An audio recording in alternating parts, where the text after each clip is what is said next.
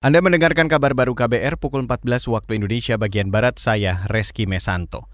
Saudara Komisi Nasional Hak Asasi Manusia atau Komnas HAM tak menutup kemungkinan bakal menemui Presiden Joko Widodo terkait kasus tewasnya Brigadir Yosua Huta Barat atau Brigadir J.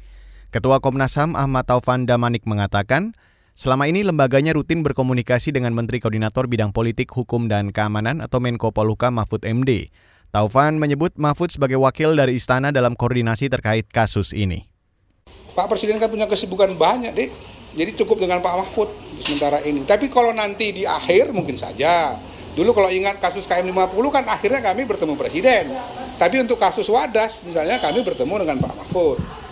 Kasusnya mana lagi? Langkat dengan Pak Mahfud misalnya. Tapi Pak Mahfud itu kan mewakili pemerintah.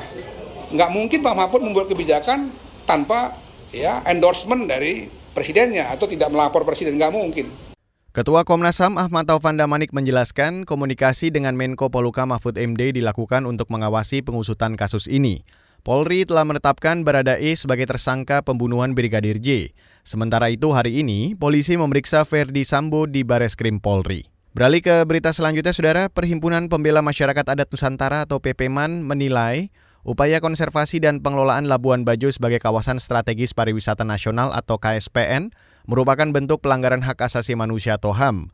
Pengacara rakyat PP Man John Bala menilai pengelolaan Labuan Bajo lebih mengacu pada model pembangunan investasi berskala besar tanpa memperhatikan hak-hak masyarakat maupun keberlanjutan alam developmentalisme ini adalah sebuah paradigma pembangunan ekologi yang mengarah pada investasi berskala besar yang kemudian mengakibatkan dua pihak tadi yaitu masyarakat adat dan para pelaku wisata tergeser. Karena kepentingan investasi itu negara menjadi otoriter dan uh, aparat negara di lapangan menjadi sangat represi. Sehingga dalam kacamata HAM situasi yang terjadi sekarang ini di Labuan Bajo bisa dikategorikan sebagai situasi darurat hak asasi manusia. Pengacara rakyat PP Man John Bala menambahkan, tindakan represif aparat membuat masyarakat tidak mendapatkan penghidupan yang layak, sebab keuntungan dari pariwisata di Labuan Bajo sepenuhnya menjadi milik pemodal besar. Dia menilai upaya pengelolaan Labuan Bajo berseberangan dengan komitmen untuk melindungi, mengakui, dan menghormati masyarakat adat sesuai Undang-Undang 1945. Saudara tim bola voli duduk putri Indonesia berhasil meraih emas dalam Asian Para Games 2020. Berlaga di GOR UTP Karanganyar, Jawa Tengah, mereka tampil dominan mengalahkan Thailand 3-0. Dilansir dari antara, tim voli duduk putri Indonesia tampil penuh percaya diri. Mereka unggul jauh di set pertama dan kedua, di set ketiga mereka bermain lebih tenang. Anissa Tindi Lestari tampil sebagai bintang.